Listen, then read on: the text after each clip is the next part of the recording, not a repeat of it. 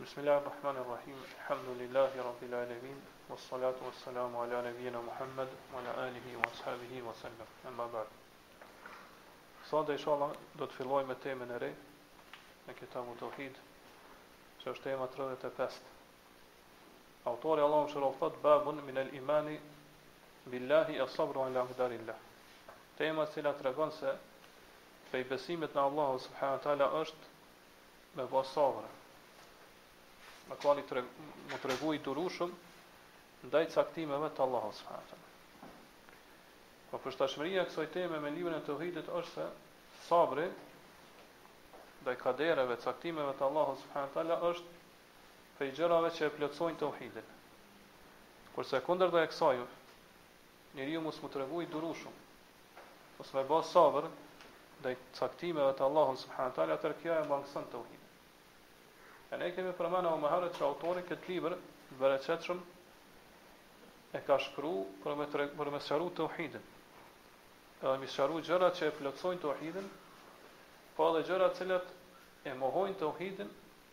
Pra e kundërshtojnë atë apo e mangësojnë tauhidin.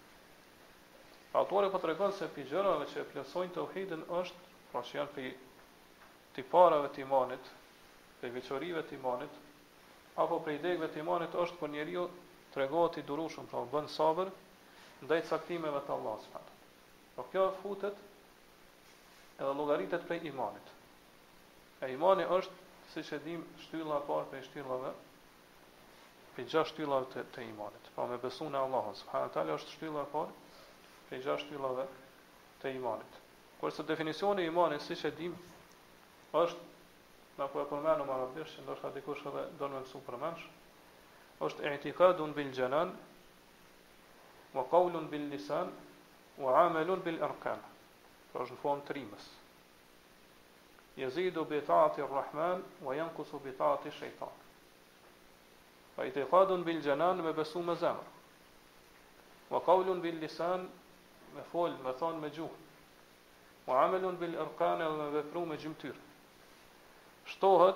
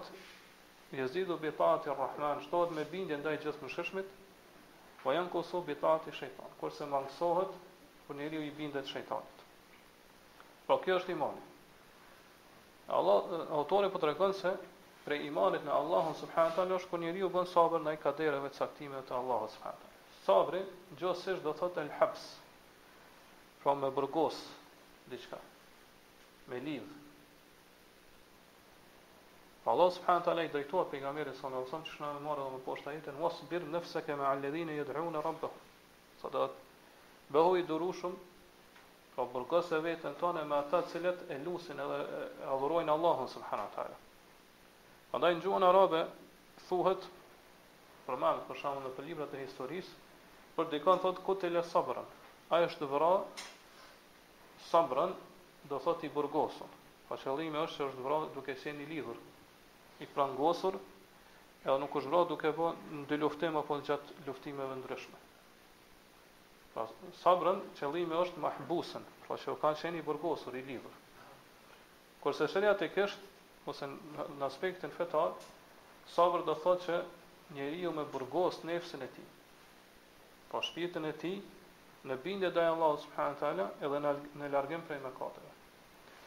Po qëllimi me sabër është që ç'kena me sqaru më poshtë, është që njeriu me burgos shpirtin e tij, pra duke e detyru me i vepru disa gjëra, apo me burgos duke e pengu prej disa gjëra të tjera. Edhe durimi është prej pozitave, prej gjendjeve të larta, edhe prej adhurimeve madhështore, të cilat njeriu i vepron me zemrën e tij, pra me gjuhën e tij, edhe me gjymtyrët e tina. Me gjitha këto duhet njeriu të tregohet i durushëm. Ngase realiteti i ubudijes, pra që njeriu të jetë rob adhurues i Allahut subhanahu wa ta'ala, nuk realizohet veçse me sabër. Nuk pohohet ndryshe veçse kur njeriu tregohet i durushëm. Për arsye se, çka është adhurimi, çka është ibadeti,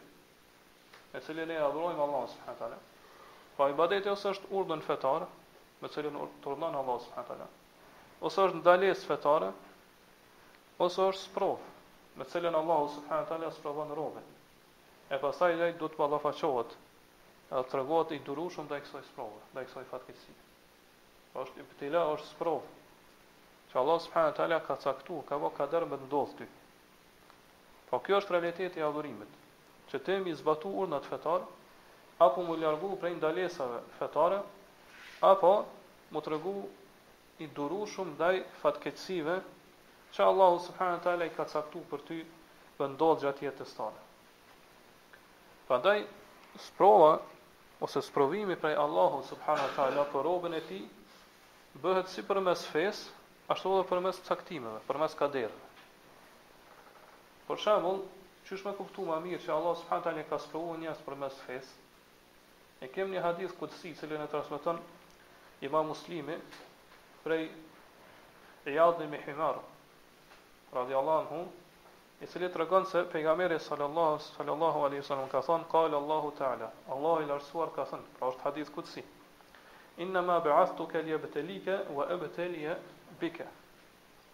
I thotë pejgamberit ty të kam dërgu, pra të kam dërgu si pejgamber si të dërguar vetëm për të të sprovuar ty dhe për t'i sprovuar tjerët me ty. Pra Allahu subhanahu wa taala ka bë dërgimin e pejgamberit sallallahu alaihi wasallam. Kjo është e vërteta dhe realiteti pse Allahu ka dërgu Muhammedin sallallahu alaihi wasallam si pejgamber, pra është el-ibtila, me i sprovu njerëzit. E sprova duhet të kalohet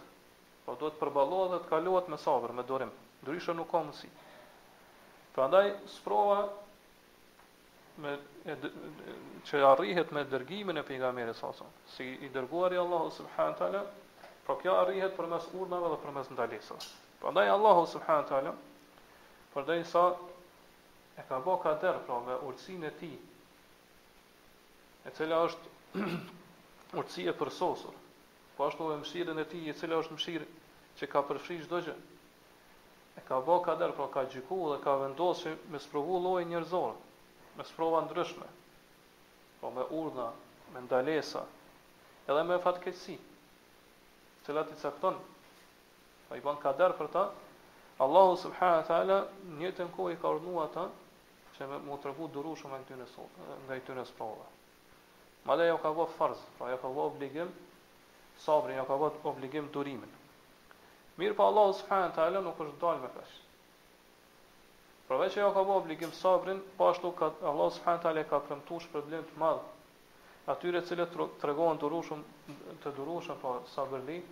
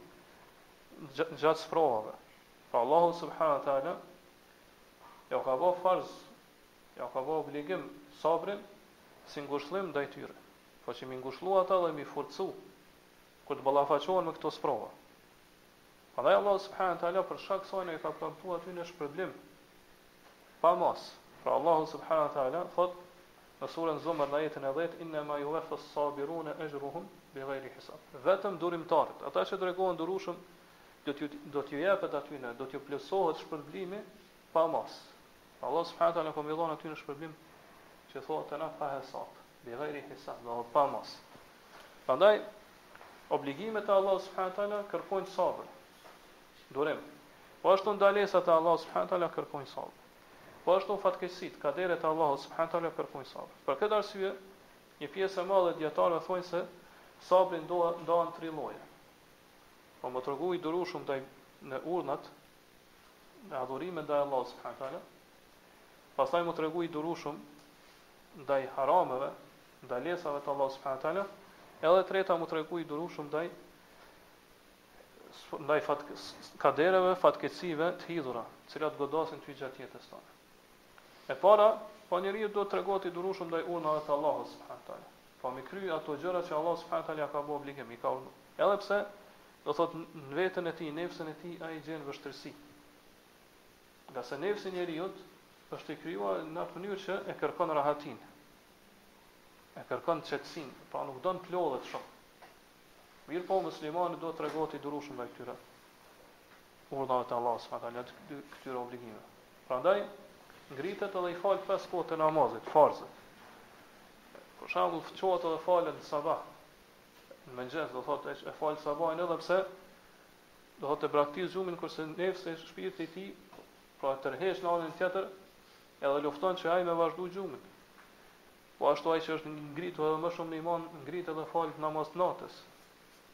Edhe e lën gjumin kur shumica e njerëzve flejnë.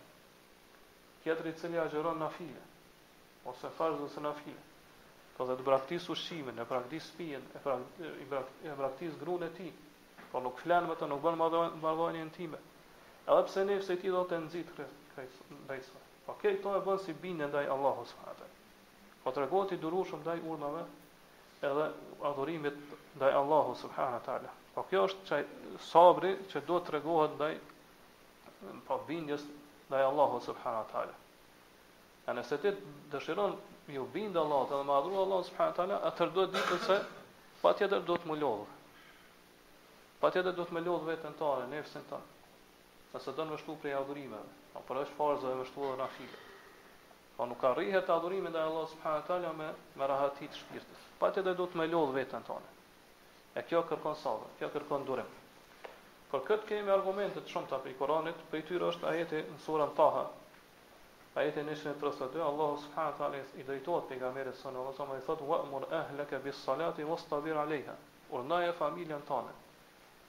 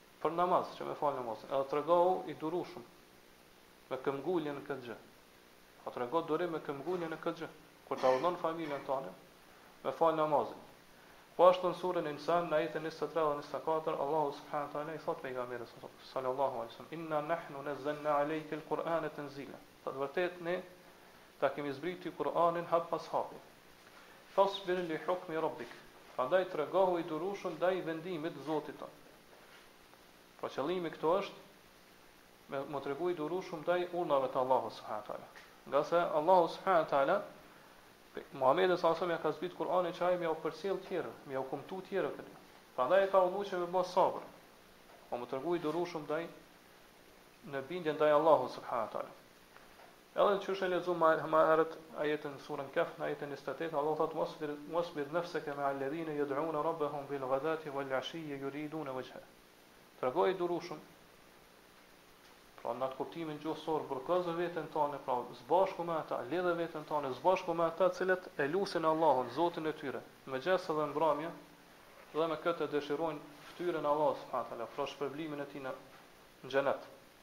Po ky ishte lloji i parë i sabrit. Lloji i dytë i sabrit është njeriu mu tregu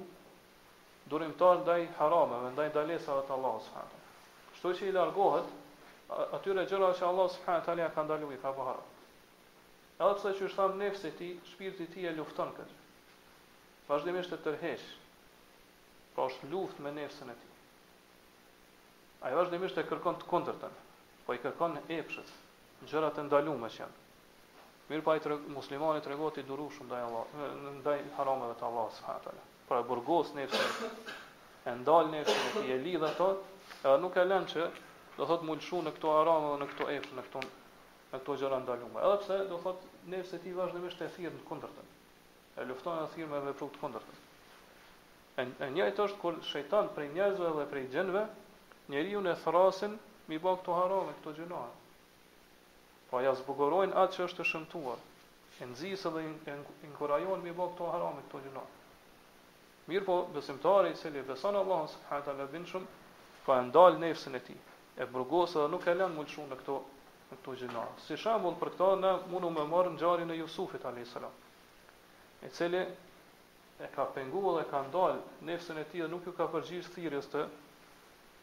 zonjës së tij, pra që ka qenë skllav i sajna, e cila ka qenë, do thotë, gruaja e ministrit, pra ka pas pozitë të lartë në shoqëri, edhe ka qenë shumë e bukur. Pra ajo e ka thirrë në një vend ku ajo e ka pas pushtetin e plotë, pra në vend ku askush nuk i ka pa, përveç Allahut subhanahu wa ta'ala.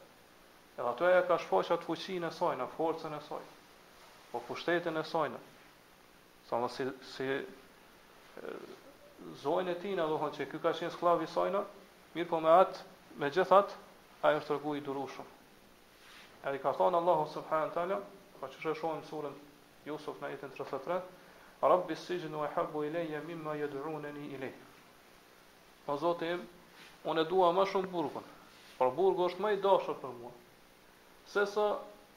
ajo ndaj cilës po më thirrin këto, por qëllimi ka kanë gruaja e e vezirit, edhe gra tjera siç që kanë qenë së bashku me të. Këta e kanë thirrë, do thotë, me ba zina Jusufin alejhi selam.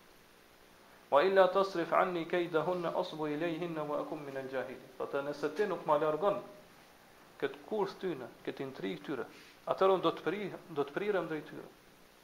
Po njeriu është i dobët, nëse Allahu subhanahu wa taala nuk e forcon.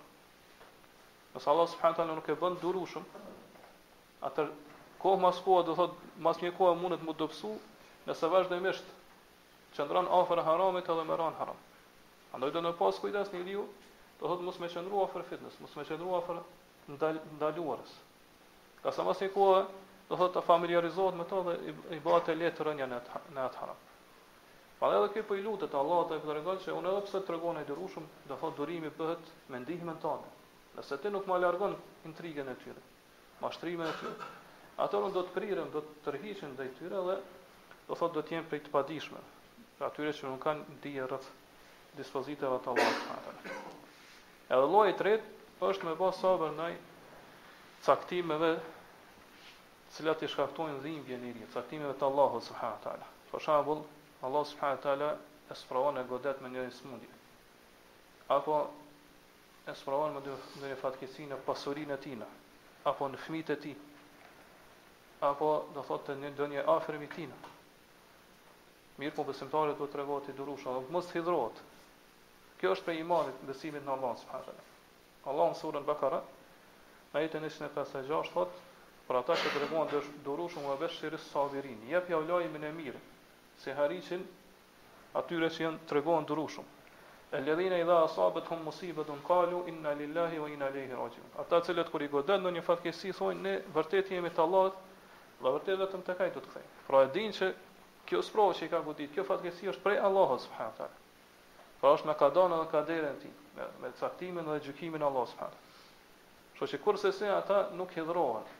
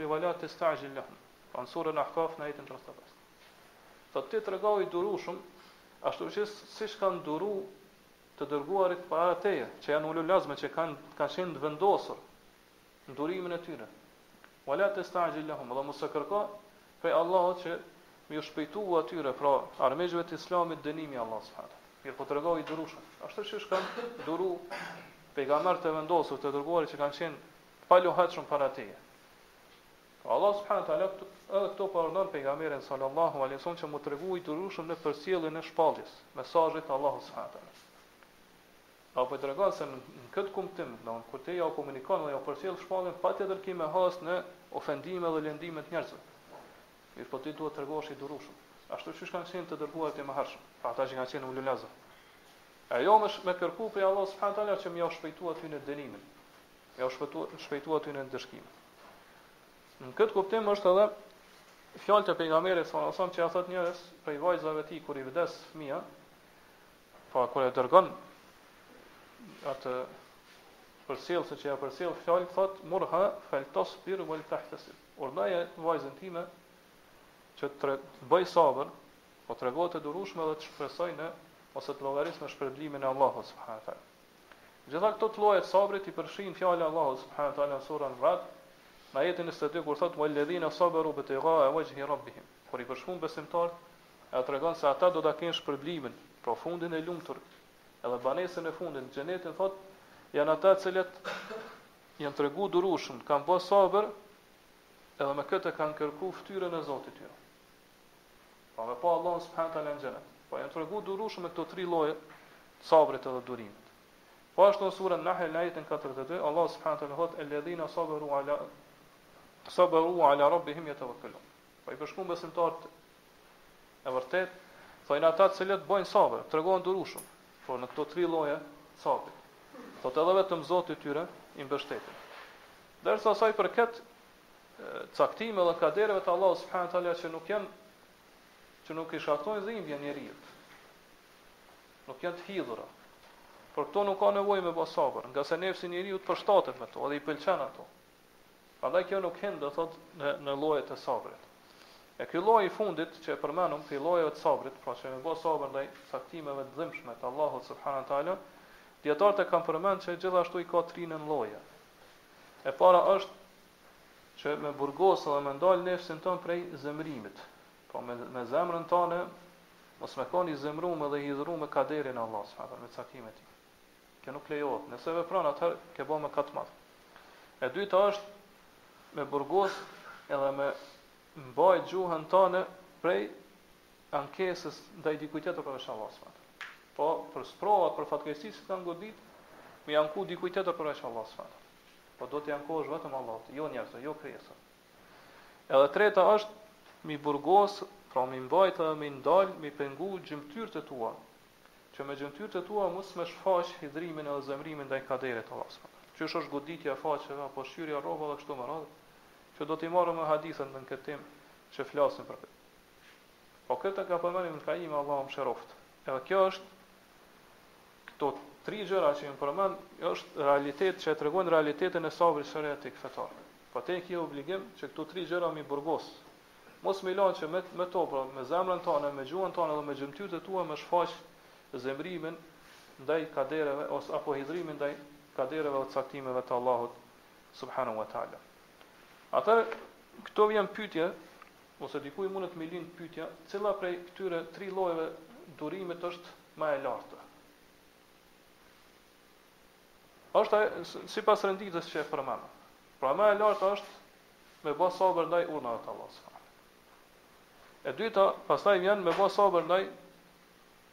harameve, ndalesave të Allahut subhanahu wa taala, mu tregu i durueshëm. Edhe treta, do thotë që vjen nivel më të ulët se këto dy të parat është mu tregu i durueshëm ndaj kadereve, caktimeve të Allahut subhanahu wa taala. Kur flasim për këtë renditje, kjo renditje është nëse merren në konsiderat vetë sabri, vetë durimi që do të tregohet. Jo, nuk merren në konsiderat personi i cili duhet mu, mu, mu tregu i durueshëm, pra me tregu sabër ndaj këtyre gjërave.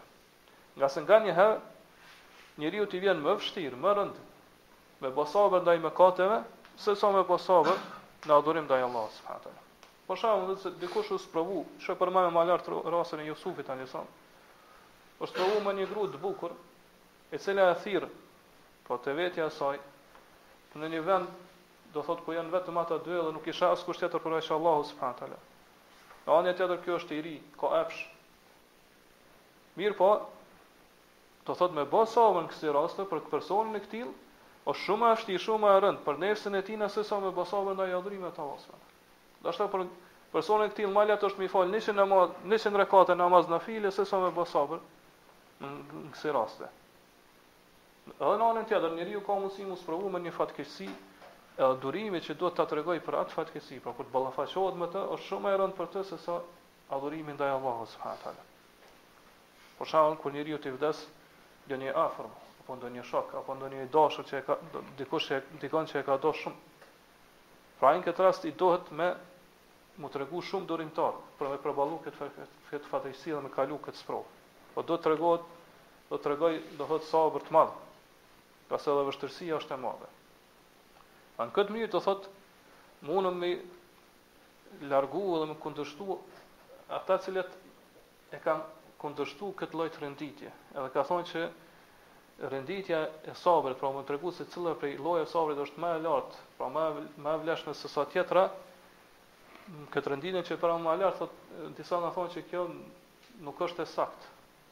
ose kërkon, do thotë shqyrtim më të thellë, për arsye se disa mëkate për njeriun janë, pra me bë sabër ndaj tyre për të është shumë më e vështirë se sa ndaj disa adhurimeve apo bindjeve ndaj Allahut subhanahu wa taala. Po ashtu kanë thënë mu tregu i durueshëm ndaj disa kadereve, caktimeve të Allahut subhanahu wa taala është shumë më e rëndë për nefsin e njeriut se sa ndaj adhurimit ndaj Allahut subhanahu wa taala. Po qëllimi i kësaj renditje që e përmendëm më lart është se Këto faza të sabrit që i përmendëm, ose të sabrit ndaj kadereve, ose kjo renditje është nëse e shikojmë vetë sabrin si sabër, jo, pra, jo duke i shiku personin i cili duhet të tregohet i durueshëm.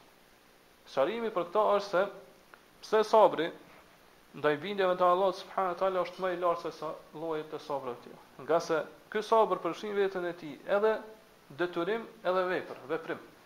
Po ti duhet me detyru veten tënde, nefsin tënd, mu fal, për shembull. Duhet me ia imponu mu fal nefsit tënd. Apo duhet me me ia imponu agjerimin. Apo haxhin e kështu me radhë. E pastaj masi që të detyrosh ose t'ia imponosh vetes tënde këto, atëherë duhet me vepru, duhet me lviz. Prandaj kur njeriu vepron edhe lviz, atëherë këtu ka vështirësi, ka lodhje.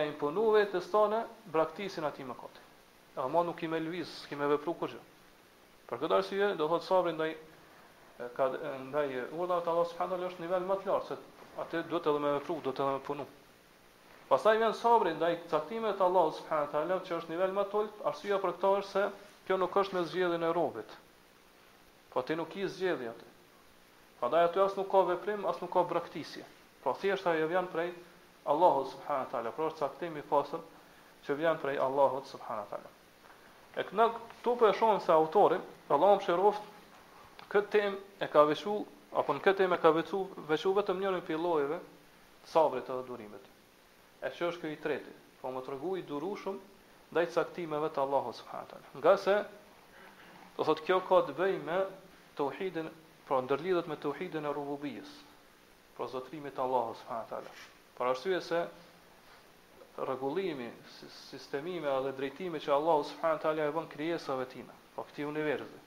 Caktimet që Allahu subhanahu wa taala pra kaderet që i bën me ndodh në këtë univers, këto janë prej gjërave që i kërkon medoemos rububia Allahu subhanahu wa taala. Prandaj përderisa sabri dhe durimi në fatkeqësi është i pakt në mesin e njerëzve, autori po e veçon këtë temë për me sqaruar se Me u tregu i durueshëm ndaj caktimeve dhe kaderit të Allahut subhanahu wa taala është prej gjërave që e plotësojnë tauhidin, e përkryejnë tauhidin tonë. E është obligim që njeriu mu tregu i durueshëm ndaj këtyre caktimeve. Ngase shumica e njerëzve pra e shfaqin atë hidhërimin, zemërimin e tyre dhe mos durimin e tyre ndaj fatkeqësive dhe ndaj sprovave, kur i godasin këto fatkeqësi dhe këto sprova. Pra kur Allahu subhanahu wa taala i sprovon ata me fatkeqësi, Kur janë në mirëqenie, ata munden me thonë me gjuhën e tyre që na jemi të durueshëm. Mirëpo kur i godasin fatkeqësitë, atëherë aty shfaqet durimi i tyre në fakt ose mos durimi i tyre dhe zemërimi që kanë ndaj kadereve të Allahut subhanahu wa taala. Autori po e sjell këtë temë me na sqaruar se sabri është obligim Po m'u tregu i durueshëm ndaj caktimeve të Allahut subhanahu wa taala që të lëndojnë ty, që janë të dhimbshme për ty është prej obligimeve, prej prej farzeve. Mirpo gjithashtu në këtë temë përveç kësajna autori na tërheq vërejtjen edhe për dy llojet e tjera të sabrit, që shkojmë me pa, me pa prej argumenteve. Pra farz është që ti m'u tregu i durueshëm edhe ndaj urdhrave të Allahut subhanahu wa taala, po edhe ndaj harameve, ndalesave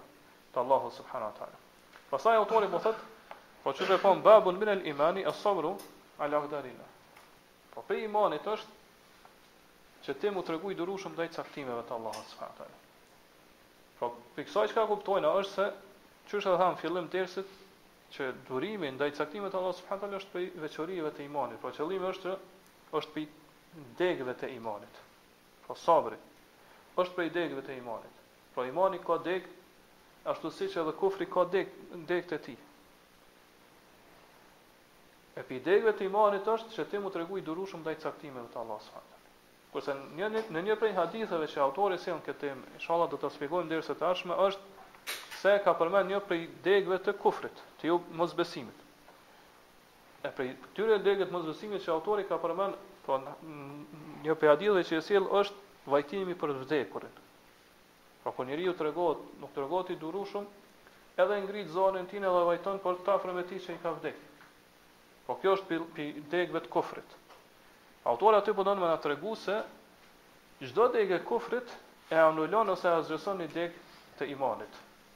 Prandaj kur njeriu vajton për të vdekurin e tina, atëherë ai ka vepruar një degë të kufrit. E kjo automatikisht do thotë aty ja anulon, ja largon një degë të imanit siç është sabri, pra durimi ndaj caktimeve të Allahut subhanahu teala. Edhe pse siç e ka përmendur Ibn Kajim Allahu e mëshiroftë, ka raste që një degë e kufrit i shlyn edhe i asgjëson shumë degë të imanit, apo edhe e kundërta.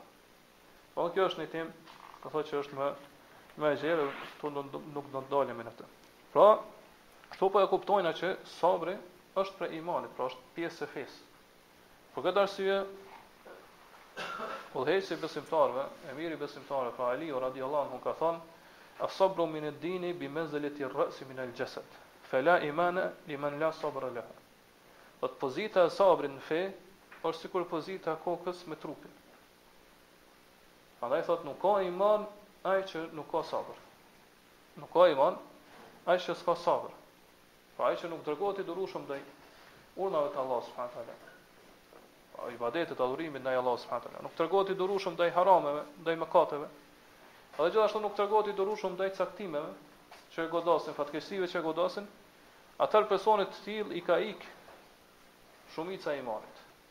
Po personi i këtillë nuk e nuk e ka shumicën e imanit. Për këtë arsye në një fjalë të Imam Ahmedit Allahu e mëshiroft ka thënë wajadtu anna Allah dhakara as-sabra fi al-Quran fi 90 mawdi'. Thotë kam pa se Allah subhanahu taala në Kur'an e përmend sabrin 90 herë, në 90 vende. Pra me tregu rëndësinë e sabrit, se sa i rëndësishëm është sabri për imanin edhe edhe fenë e besimtarit.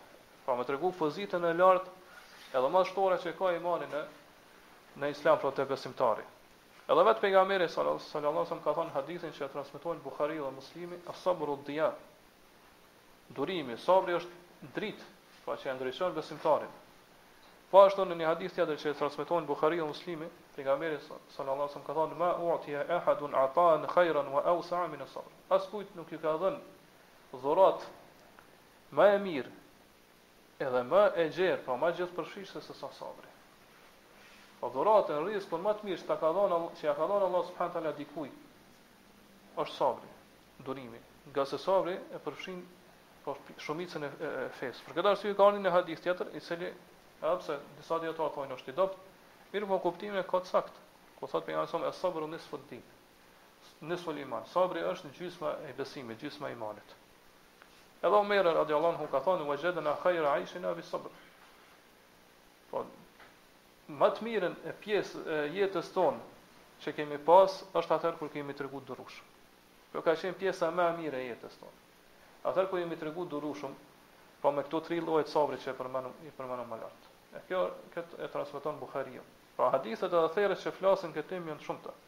Pra gjitha tregojnë pra për pozitën madhështore që e ka sabri në fenë për fenë e muslimanit. Prandaj besimtari duhet ta dijë se gjatë jetës tina patjetër ka me u ballafaqu, pra ka me u përballë me probleme, ka me u përballë me vështirësi, ka me u përballë me fatkeqësi. Prandaj patjetër duhet të tregohet i durueshëm. Nuk, askush nuk duhet ta paramendojë jetën e tina pa probleme, pa fatkeqësi, pa vështirësi. Ky është ligji i Allahut subhanahu wa taala, që e ka bërë për njerëzimin, që është prej në fillim deri sot.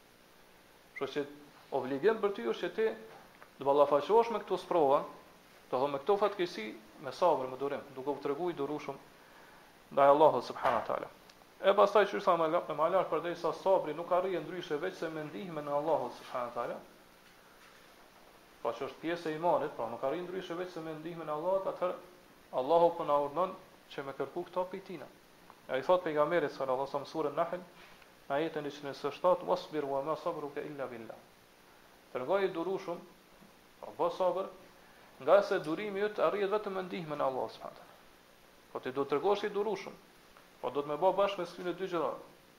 Edhe vetë duhet ta mësosh veten tënde mu bë i durueshëm, mirëpo njëkohësisht duhet ta kërkosh ndihmën prej Allahut subhanahu teala. Që Allahu me të forcu, Allahu me të shtu sabrin. Duhet me i bë bashkë këto dy gjëra. Po ashtu në surën Tur në ajetin 48 Allahu thotë wasbir li hukmi rabbika fa innaka bi a'yunina tregohu i durueshëm ndaj vendimit të Zotit tënd apo vendimeve, po pavarësisht ajo vendime fetare apo universale, ngase i thotë pejgamberit sallallahu alajhi wasallam ti je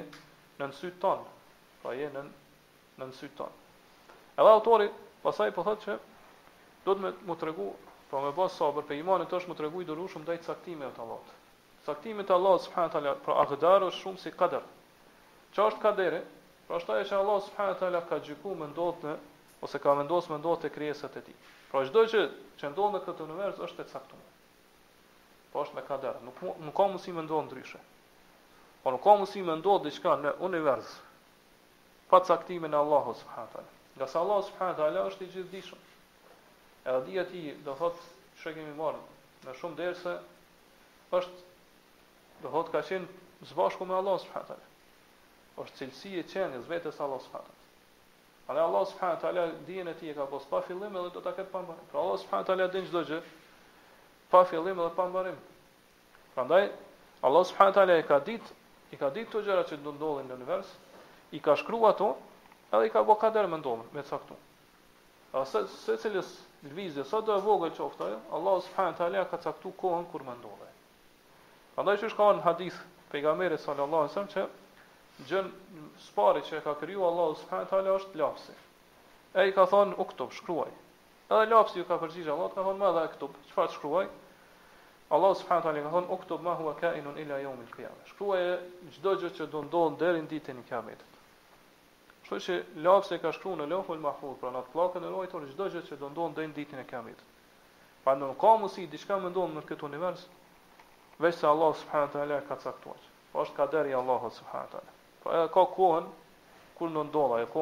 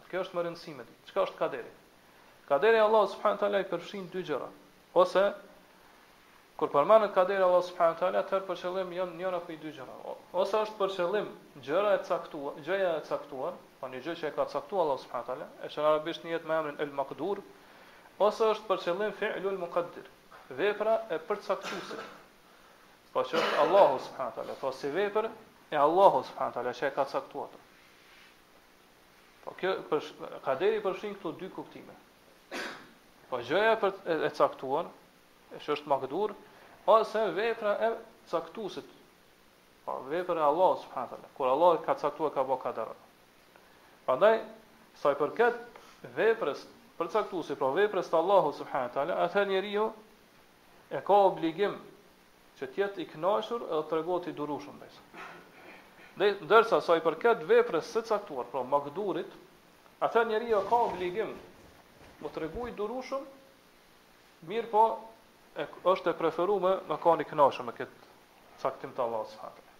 Për shembull, për me kuptu këtë më mirë, Allahu subhanahu teala ka bërë kader që njeriu dikujna me iu djeg vetura e tij, kerri.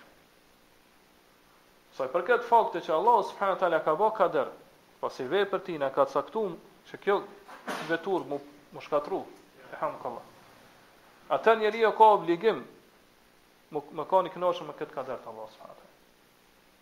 E ka obligim, ngase është vepër e Allahut subhanahu wa taala. E ka obligim me qenë i kënaqur me këtë kader të Allahut subhanahu wa taala. Ngase është vepër e Allahut, po përveç që duhet me u tregu i durueshëm e ka obligim me qenë i kënaqur. Ngase kjo është prej plotësimit që njeriu me kanë i kënaqur me Allahun si Zot i tij, po si krijues i tij e kështu me radhë. Ndërsa sa i përket të caktuarës, po kur kjo veç ka ndodhur, iu ka djeg vetura atij apo iu ka shkatru, atëherë ky e ka obligim që kët fatkeqësi me pranu, pra ose me kalu me sabër, ndërsa sipas mendimit më të saktë, m'u tregu i kënaqur me ta është vetëm mustahab. Po me kanë i kënaqur me këtë e, kader të Allahut subhanahu teala në këtë rast, pra si makdur, si vepër, si, si e caktuar, atëherë kjo është vetëm e pëlqyeshme, pra nuk është obligative. Pastaj kjo e caktuara, po që është makdur, ose është janë adhurime ndaj Allahut subhanahu wa taala, ose janë edhe mëkate. Apo janë edhe vepra të cilat i vepron vetëm Allahu subhanahu wa taala. Sa i përket adhurimeve të Allahut subhanahu wa taala, në këtë rast e kemi obligim me kon të kënaqur, po mi pëlqy ato. Po i shohim njerëz që e adhurojnë Allahun subhanahu wa taala. Po në këtë rast si vepër e njerëzve, si e caktuar e Allahut subhanahu teala. Ne kemi obligim me kanë të kënaqur me edhe me veprusin edhe me veprën e tyre, po me adhurimet që ja kushtojnë Allahut subhanahu teala. Ndërsa si e caktuar, po si makdur, kur është puna te mëkatet, këtu nuk nuk na lejohet me kanë të kënaqur. Pra është e ndaluar që na me kanë të kënaqur me mëkatet. Mirëpo nga aspekti tjetër, që ajo është kader i Allahut subhanahu teala, po vepër e tij që e ka caktuar me ndodh, atëherë kemi obligim me kanë të kënaqur.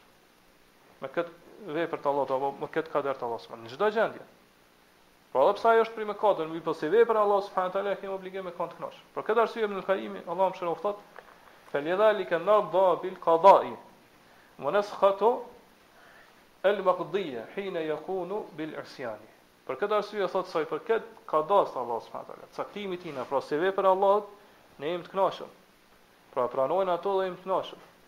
Mirëpo hidhrohemi dhe zemrohemi kur e caktuara, pra atë që e ka e gjykuara, ajo që ka ndodhë, është mëkat. Atëherë këtu nuk na pëlqen neve.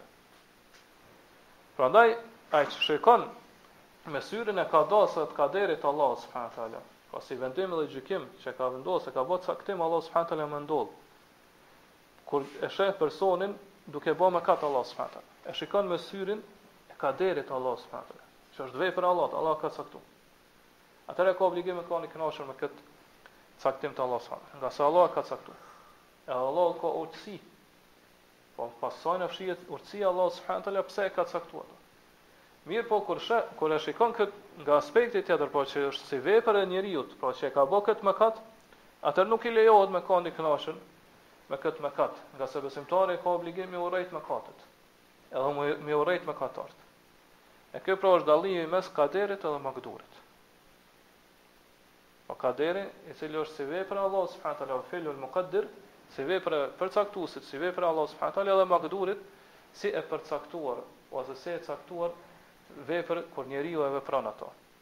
E pastaj autori pas saj na fillon mi sjell argumentet që flasin për këtë temë, e inshalla për këto do të flasim në dersin e ardhshëm, Allahu, në derset e ardhshme vërtet, Allahu alem, wa sallallahu ala nebina Muhammed wa ala alihi wa ashabihi wa sallam.